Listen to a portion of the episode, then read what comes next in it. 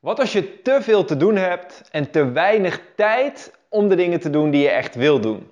Hey, tof dat je deze video kijkt. Mijn naam is Pim Jansen. Ik help coaches om krachtige presentaties te geven waarmee ze hun ideale coachingklanten aantrekken, zodat ze meer winst kunnen genereren met hun coachingsbedrijf en goed kunnen leven van hun passie. En in deze video wil ik het met je hebben over een obstakel waarvan ik zie dat zo ontzettend veel coaches hier tegenaan lopen. En sterker nog, niet alleen coaches lopen hier tegenaan, ook eigenlijk vrijwel iedere ondernemer loopt hier tegenaan. En ik ga er ook gelijk bij zeggen, ik ben hier zelf ook honderden keren tegenaan gelopen. Sterker nog, ik kan me nog heel goed herinneren dat ik zo'n zo'n uh, anderhalf, twee jaar geleden deed ik voor anderhalf jaar lang deed ik een coaching traject. Dus zeg maar van drie jaar geleden tot anderhalf jaar geleden uh, volgde ik zelf een coachingstraject. En eigenlijk elke week als ik dan zo'n coaching sessie inging, dan stelde ik van tevoren van, hey, wat wil ik uit deze coaching sessie halen? Waar loop ik op dit moment tegenaan? Wat is mijn doel? En bij zo'n beetje 60, 70 procent van de sessies uh, kwam daar eigenlijk voor mezelf naar voren van, hey, ik voel me overweldigd. Ik heb te veel te doen deze week, zoveel verschillende prioriteiten, mijn hele agenda is volgepland en hè, ik zou eigenlijk 80 dingen willen doen deze week die allemaal twee uur kosten. Nou, ik heb geen 160 uur om te werken, dus ik moet dat enigszins terugdringen. En dan doe ik er maar 40. En dan ben ik alsnog 80 uur aan, uh, aan het werk. En dan heb ik alsnog maar de helft gedaan van wat ik eigenlijk gedaan zou willen krijgen. Dus ik maakte mezelf helemaal gek. en uh, als ik dan zo'n coaching sessie inging, was het eigenlijk altijd van ja, ik, zoveel te doen, overweldigd. Uh, ik weet niet meer waar ik moet beginnen. En ik was eigenlijk een beetje door de bomen, was ik het bos was ik kwijt.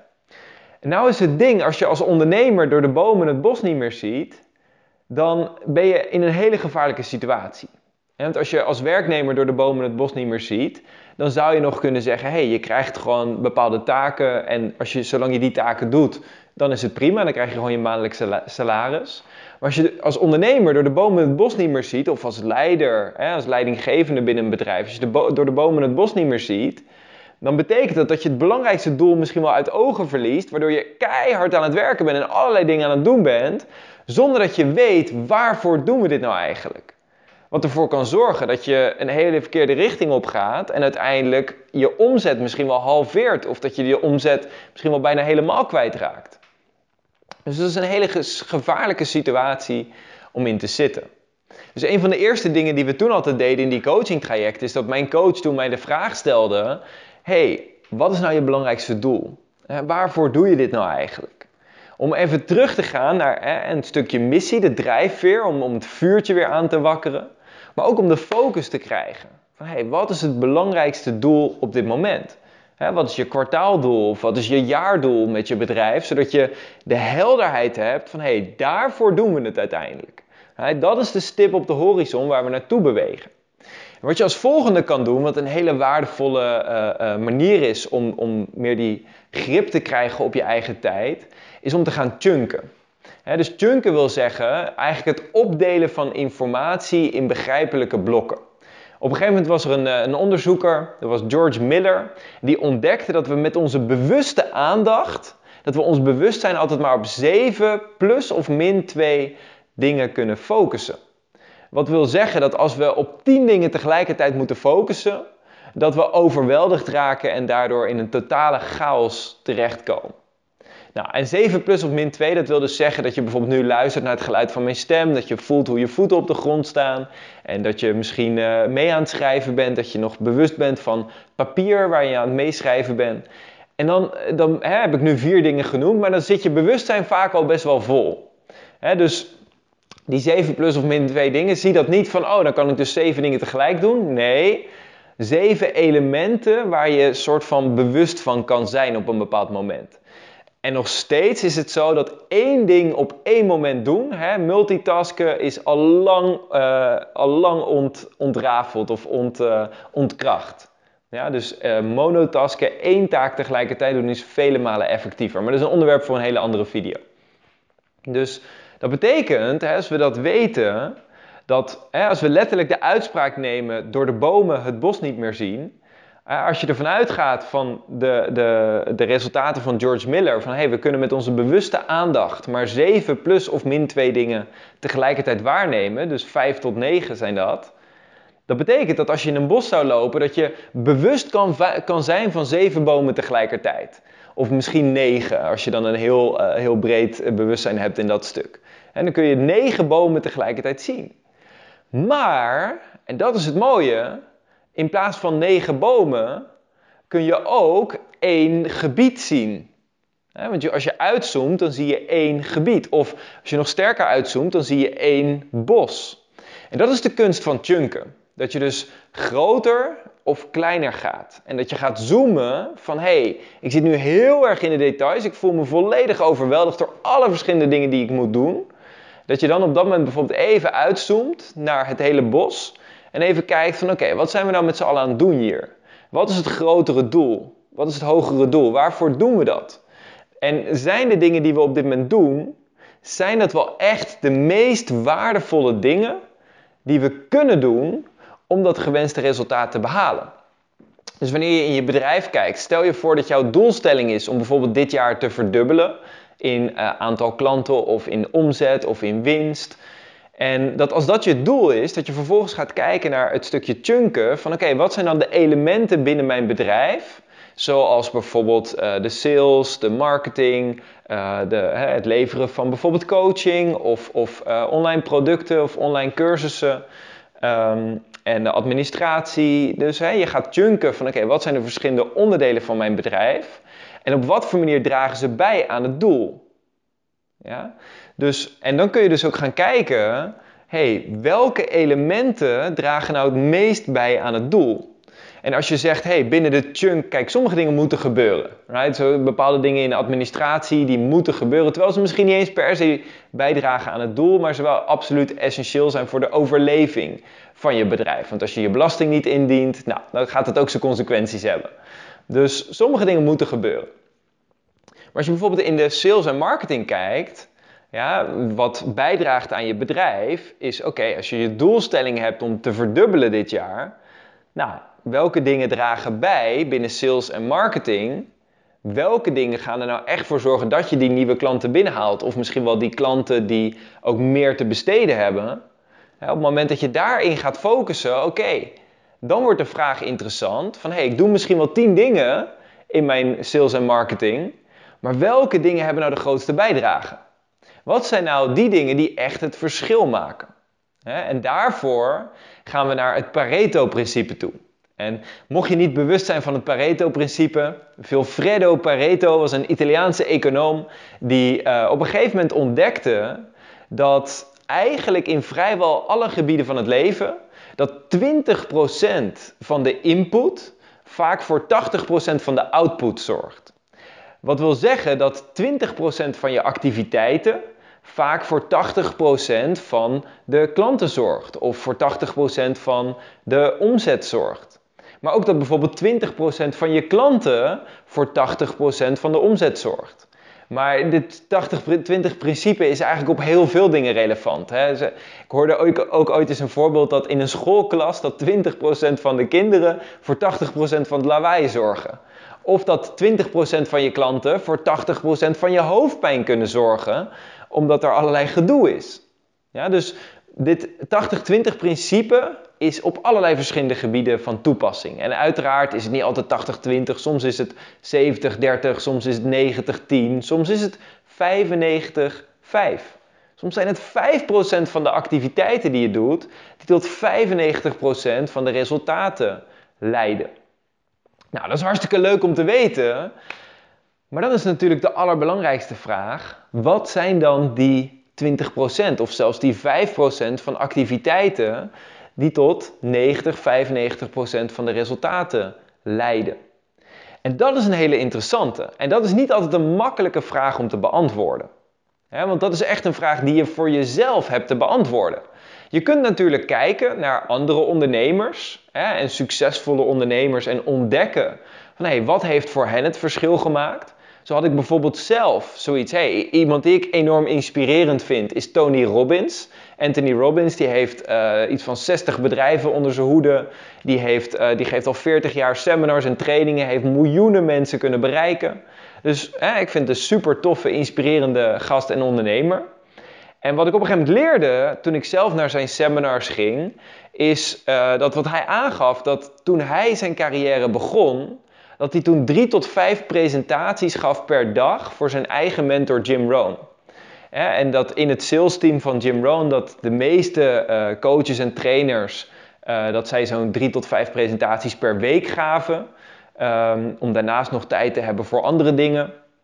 En dat Tony zei: Nee, ik wil echt uitmuntend worden in het spreken, in het echt effectief overbrengen van mijn boodschap. En uh, ik heb deze skill heb ik aan te leren. Dus hij begon drie tot vijf presentaties per dag te geven. En hij begon ook met de andere mensen in het team. Als hij dan zelf geen gelegenheid had om presentaties te geven, dan vroeg hij van: Hey, kan ik met jouw presentatie meedraaien? Dan geven we hem samen. En hij was gewoon gefocust: presentaties, presentaties, presentaties, presentaties. En hij geeft ook tijdens de seminars aan van hey, dat heeft ervoor gezorgd dat ik vandaag de dag miljoenen mensen kan bereiken. En dat ik zo'n enorme omzet van miljarden uh, genereer met alle verschillende bedrijven die ik onder mijn hoede heb. Omdat ik heb geleerd hoe kan ik mijn boodschap effectief uitdragen. dus aangezien Tony Robbins dat deed, dacht ik, hé, hey, datzelfde ga ik ook doen. Ik ga ook gewoon heel veel tijd en energie investeren in het geven van presentaties. Dan wil ik niet zeggen dat ik drie tot vijf presentaties per dag heb gegeven de afgelopen maanden. Uh, voor mij is het net even iets anders. Hè? Als trainer sta ik vaak de hele dag voor de groep. Dus dan zou je kunnen zeggen, ja, je hebt eh, op een dag tien presentaties gegeven. Of je kan zeggen, het is één grote presentatie die gewoon van tien uur s ochtends tot acht uur s avonds duurt. Dat is maar net hoe je het bekijkt. Tony doet dat tegenwoordig trouwens ook in zijn seminars. Hè. Dat zijn ook geen uurtje meer. Dus gewoon uh, die, die seminars die Tony tegenwoordig geeft, zijn ook van tien uur s ochtends tot twee uur s'nachts vaak. Um, om er zoveel mogelijk uren te maken in datgene wat zijn grootste passie is. Maar ook wat waanzinnig veel um, omzet genereert en resultaat genereert binnen zijn bedrijf. Wat bijdraagt aan zijn doelstelling. Dus één manier om jouw 20% te vinden is door te modelleren. door te kijken naar iemand zoals een Tony Robbins en te kijken van oké, hoe heeft hij het gedaan? Oh, hij heeft gewoon waanzinnig veel presentaties gegeven om zijn boodschap uit te dragen, maar ook zijn communicatie daarmee te versterken en te leren hoe kan ik nou echt mensen bereiken? Hoe kan ik nou echt mensen inspireren? Hoe kan ik doordringen tot wat voor hen echt belangrijk is? Dus één ding is door naar anderen te kijken. Iets anders is door je eigen resultaten heel goed in de gaten te houden en door echt te meten. Zo ben ik zelf onlangs uh, begonnen met uh, een nieuw softwareprogramma dat heet Hyros. Uh, het is een Amerikaans softwareprogramma wat bedoeld is om te tracken. Om echt al je advertenties te meten. En vaak worden, uh, wat we heel vaak doen is in advertenties bijvoorbeeld meten van oké, dit zijn de kosten per lead. Ik betaal 10 euro of 20 euro om iemand zich te laten aanmelden voor een webinar of voor een live presentatie. En um, dat is hartstikke leuk. Alleen uiteindelijk kan je zeggen, nou, zo, hè, ik, met deze advertentie betaal ik maar 3 euro om zich, iemand zich te laten aanmelden voor mijn live presentatie. Maar als van die, drie, hè, als van die advertentie uiteindelijk niemand koopt, ja, dan kan je daar 1000 euro in, in investeren. Dan heb je 333 leads gegenereerd voor maar 3 euro per stuk. Maar als niemand daarvan koopt, heb je alsnog gewoon 1000 euro eigenlijk in het water gegooid. Natuurlijk is je mailinglijst gegroeid, maar ja, dat is niet echt een duurzame manier van groei. Terwijl aan de andere kant, misschien dat je wel 30 euro betaalt voor een andere advertentieset, waar je, eh, waarvan je dus zou zeggen, nou die zou ik uitzetten, want die is niet succesvol. Maar als je doormeet wat voor sales daaruit komen, dan is dat misschien wel veel meer. Dus nou, het wordt een beetje een technisch verhaal. Hè? Dat is misschien niet voor iedereen per se relevant als je nu niet adverteert. Um, maar waar het op neerkomt is, ik ben dus die software uh, ben ik mee aan de slag gegaan. Omdat ik weet van, hé, hey, om echt duurzaam te groeien en een gezond bedrijf te hebben en de focus te houden op datgene waar het echt om draait, hebben we in kaart te brengen, waar komen nou uiteindelijk de resultaten vandaan? En wat zijn nou de dingen die bijdragen aan de doelstellingen? En wat zijn de dingen die eigenlijk niet bijdragen, waar misschien wel tijd en energie naartoe gaat, maar die niet een significant meetbaar verschil maken op het resultaat in de doelstellingen. En dan kun je ook echt keuzes maken van oké, hey, we steken misschien wel 20 uur per week in deze activiteit, maar het levert eigenlijk niet echt iets op qua resultaat. Dus het is eigenlijk niet echt te verantwoorden om daar 20 uur per week in te steken. Terwijl, hey, we, zijn misschien maar twee uurtjes per week met deze activiteit bezig. Of dus er gaat misschien maar heel weinig budget naar deze advertentiecampagne. Terwijl die wel waanzinnig veel oplevert. Laten we daar eens meer in investeren. dus die 80-20 regel is voor mij echt gewoon de basis. daar wil je constant over nadenken en liefst ook zoveel mogelijk meten. dus je, je begint met een hypothese van oké, we gaan bepaalde dingen doen en we hopen dat er resultaat uitkomt. We, we, we hopen maar op het beste en we gaan proberen in te schatten wat nou die dingen zijn die tot het meeste resultaat gaan leiden en vervolgens ook meten. Nou, er is nog één belangrijk ding wat ik daarover wil zeggen. En dat is, je hebt natuurlijk korte termijn en lange termijn resultaat. En dat zie je ook echt in de marketingwereld. Daar is echt een hele grote verdeling. Zeker in de Engelstalige internationale markt heb je altijd de verdeling tussen direct response marketing en branding. En direct response marketing, dat is dus echt direct resultaat. Dus een advertentie om leads te genereren of een advertentie om sales te genereren. En die advertentie, het succes of falen van die advertentie, wordt ook beoordeeld op basis van het resultaat. Hoeveel leads, hoeveel sales worden gegenereerd. Branding, dat gaat meer over je imago, je reputatie. En het is heel interessant dat het, de balans tussen de twee. Als je echt een Coca-Cola bijvoorbeeld ziet, die doen alleen maar branding. Die zeggen niet, hè, uh, advertentie, bestel nu via de link hieronder. Nee, want mensen gaan naar de supermarkt en die kopen dan wel of niet een nieuwe fles. Dus hè, branding is uh, wat heel veel echt enorm grote bedrijven doen. En er wordt heel vaak gezegd, van, ja, als kleine ondernemer kun je eigenlijk geen branding doen. Ja, want je hebt niet even een miljoen om te besteden en dan te hopen dat er klanten uitkomen. Nee, als jij met een bepaald advertentiebudget begint, of bepaalde tijd, hè, als je je tijd investeert, dan heb je daar direct resultaat uit te zien. Want het zijn gewoon je eigen zuurverdiende euro's die je erin investeert. Right? Dus daarom wordt heel vaak gekeken in de, in de marketingwereld voor wat kleinere ondernemers naar direct response marketing. Maar uiteindelijk, hè, de, de kracht zit hem uiteindelijk in allebei. Als, als kleine ondernemer heb je direct response marketing nodig. Als je alleen maar branding doet, dan ben je gewoon onverantwoord bezig. Dan ben je gewoon aan het hopen. Eigenlijk sta je dan in het casino, zeg maar. dus je hebt direct response marketing nodig om voorspelbaar een resultaat te kunnen creëren. En ook te weten, hey, als ik 1000 euro investeer in advertenties, dan komt er 2000, 3000 of 4000 euro komt er weer terug. Maar tegelijkertijd is branding ook ontzettend belangrijk. Want het gaat niet alleen om korte termijn, maar het gaat ook om lange termijn. Dat is trouwens ook hè, dat Hyros, wat ik tegenwoordig gebruik, Daarmee kunnen we ook de lifetime customer value meten. dus oké, als ik nu 20 euro betaal voor een nieuwe lead, wat is dat voor het bedrijf waard over zes maanden, over een jaar, over twee jaar?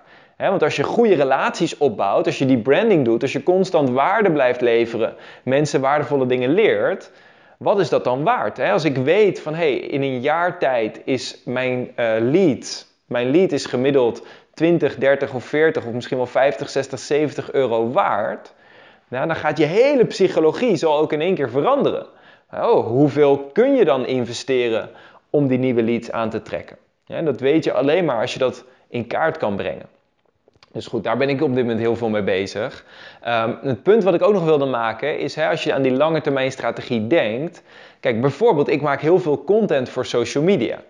Als ik nu kijk, waar komen 90% van mijn leads en sales vandaan? Is dat voornamelijk vanuit advertenties. Dan zou je zeggen, Pim, waarom ben je dan elke dag toch een kwartier of 20 minuten bezig met content maken voor social media? Nou, naast dat ik het heel leuk vind en mensen wil inspireren, moet ik het ook verantwoorden naar de mensen waar ik mee samenwerk en naar de, de resultaten, de cijfers in mijn bedrijf. Van oké jongens, uh, hartstikke leuk dat ik het leuk vind om filmpjes te maken. Uh, maar de facturen moeten ook betaald worden. Hè? En alle kosten in het bedrijf moeten gedekt worden. Dus waarom doe ik het dan? Omdat ik geloof, en ik ben er heilig van overtuigd, en dit is dus ook iets wat ik niet zomaar bedenk, maar gemodelleerd heb, omdat ik het zie bij heel veel succesvolle ondernemers, dat hè, op korte termijn is het zo. Russell Brunson had op een gegeven moment in zijn boek Traffic Secrets had hij het heel mooi uitgelegd van, hè, als je begint dan zijn advertenties, daar krijg je flink resultaat uit. En social media nog bijna niks. Maar als je dan bezig bent, bijvoorbeeld een paar maanden of een paar jaar, dan vaak advertentieresultaten die zakken een beetje in. Tenzij je natuurlijk dat verbetert en het exponentieel laat groeien. Maar als je er niks aan verandert, dan zakt het een beetje in. Terwijl als je social media blijft posten, dan blijft dat stijgen. En op een gegeven moment na een paar maanden of na een paar jaar, dan is dat social media organisch is zo sterk exponentieel gegroeid, dat je daarmee zoveel mensen bereikt, dat je daarmee gewoon meer impact maakt dan met bijvoorbeeld je advertenties. En dan is natuurlijk het geweldige nieuws op dat moment dat je op dat moment niks meer hoeft te betalen voor je marketing. Dus dat er een heleboel vrijheid ontstaat om nog meer creativiteit uh, te stoppen in je werk, omdat je gewoon weet, hey, we kunnen heel lean werken, we hoeven niks te betalen voor de marketing. We hebben een, een publiek van mensen die enthousiast is over wat we doen. En uh, vanuit daar kunnen we dus echt werken vanuit vrijheid, vanuit passie, vanuit uh, het is minder nodig, hè? er is minder een stok achter de deur. Dus minder die, die, die, die stokmotivatie, de pijnmotivatie en meer de pleziermotivatie van creativiteit, van vrijheid, van inspiratie. Dat is natuurlijk ook een psychologisch ding. Maar ook dat helpt daarbij heel erg. Dus hè, dat is een beetje mijn missie met social media. Van eigenlijk wil ik over een jaar gewoon geen advertenties meer nodig hebben. Zodat ik puur vanuit inspiratie, puur vanuit creativiteit kan werken. Omdat ik weet van hé, hey, dit is gewoon, uh, de kosten zijn gewoon heel laag in het bedrijf. En de, de, de opbrengst is eigenlijk alleen nog maar hoger geworden. Dus dat is even de gedachte die ik je ook mee wil geven als je dus deze regel voor jezelf instelt, de 80-20 regel, dat het dus echt niet alleen op, op korte termijn resultaat draait. dat zou zonde zijn, want daardoor heb je een hele soort tunnelvisie op direct resultaat willen krijgen. Wat natuurlijk aan de ene kant belangrijk is, voor dat stukje direct response marketing, om je bedrijf gezond te houden en ook een gezonde, goede cashflow te houden in je bedrijf. Maar tegelijkertijd ook die langetermijnvisie te hebben. En ook te kijken van, hey, hoe kan ik echt relaties bouwen en eigenlijk die branding doen. Zodat ik uiteindelijk gewoon zo'n publiek opbouw van mensen die enthousiast zijn. Dat de relaties zo goed zijn. Dat ik uiteindelijk misschien die direct response bijna niet eens meer nodig heb.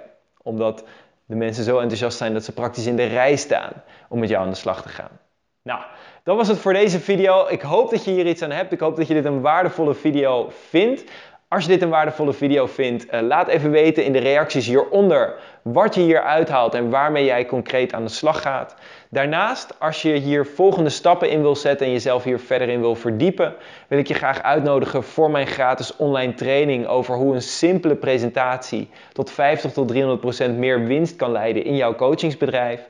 Tijdens deze training gaan we in op hoe jij zelf krachtige presentaties kan gebruiken om jouw ideale klanten aan te trekken. En daarnaast, uh, als je dit een waardevolle video vindt, klik even op het duimpje omhoog. En als je meer van dit soort video's wil zien, denk er dan aan om jezelf te abonneren op mijn YouTube kanaal. Dat gezegd hebbende wens ik jou uiteraard een prachtige dag toe vandaag. Ik hoop dat je een heleboel plezier mag hebben in je werk. Ik hoop dat je mag werken vanuit creativiteit, vanuit inspiratie. En dat je mooie dingen mag gaan betekenen voor de mensen die jij helpt. Geniet van je dag en tot de volgende keer. Ciao, ciao.